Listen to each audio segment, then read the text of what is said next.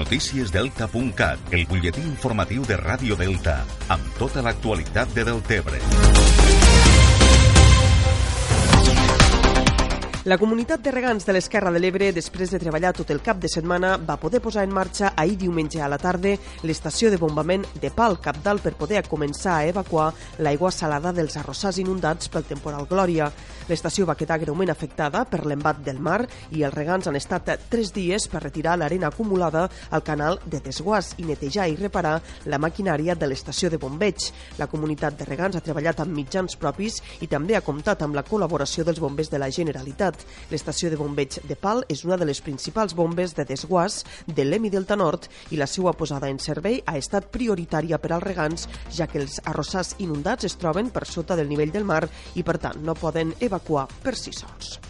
El Consell de Ministres aprovarà demà el primer paquet de mesures per atendre els municipis afectats pel temporal Glòria. El ministre de Sanitat, Salvador Illa, va visitar divendres les zones afectades pel temporal al Delta de l'Ebre i va explicar que set ministeris i quatre vicepresidències del govern espanyol s'han posat a treballar per avaluar els danys i tenir dimarts una resposta immediata als afectats pel temporal Glòria. Esta ràpida resposta serà possible després que el govern espanyol aprovés el passat mes de setembre un decret llei arran del pas d'un altre temporal, el d'Anna.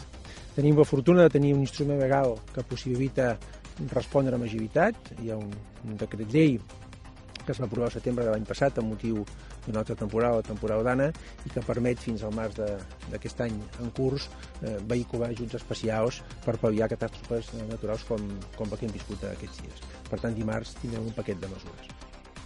Este cap de setmana ha visitat també del Tebre i les zones afectades pel temporal el vicepresident de la Generalitat, Pere Aragonès. Aragonès va reunir-se amb l'alcalde de Deltebre, Lluís Soler, el de Sant Jaume, Joan Castor Gonell, i el de Sant Carles de la Ràpita, Josep Caparrós, i va poder comprovar in situ les destrosses provocades per la llevantada. Més qüestions, parlem ara de futbol. Després dels bons resultats del Jesús i Maria i l'acaba este cap de setmana la jornada 18 de la tercera catalana en la que el Remolins Vitem ha refermat el liderat del grup després de la derrota del Batea.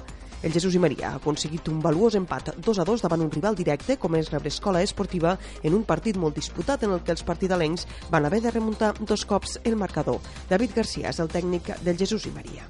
Pues hem estat tenint ocasions fins a l'últim minut i bueno, no hem pogut aconseguir aconseguir la victòria, però bueno, ja et dic, un partit que ha estat molt disputat eh, per a mi crec que ha sigut just un empat, ja que un equip o l'altre se podien portar els tres punts content per l'empat i per la bona actitud que han tingut els jugadors. Amb l'empat, el Jesús i Maria es manté quina la classificació amb 31 punts, seguit de la Cava amb 30.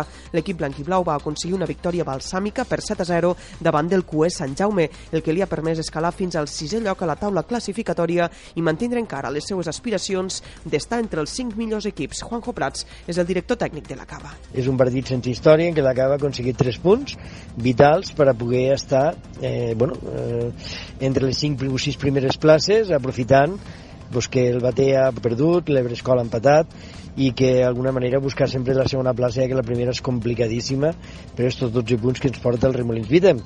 I acabem amb el futbol sala. La FS del Tebre no ha pogut mantenir el liderat de la Lliga de Futbol Sala després de perdre per 4 a 1 davant el Golafre, el principal rival des de del Tebre. El pavelló Andrés Ferri va poder veure un partit vibrant per la lluita pel liderat entre el del Tebre i el Golafre, que va acabar decantant-se per l'equip tortosí que va ser superior.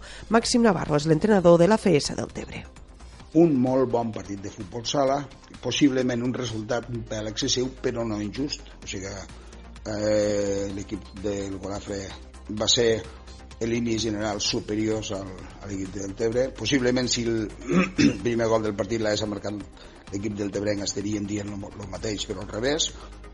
Però bueno, el partit se va donar com se va donar i els, i els tortosins van ser justos, justos guanyadors del partit el pròxim partit de la FS del Tebre serà dijous al pavelló Andrés Ferri davant del Campredor a les 19.45 hores. Això és tot per ara. Més notícies, com sempre, al portal deltacat.cat.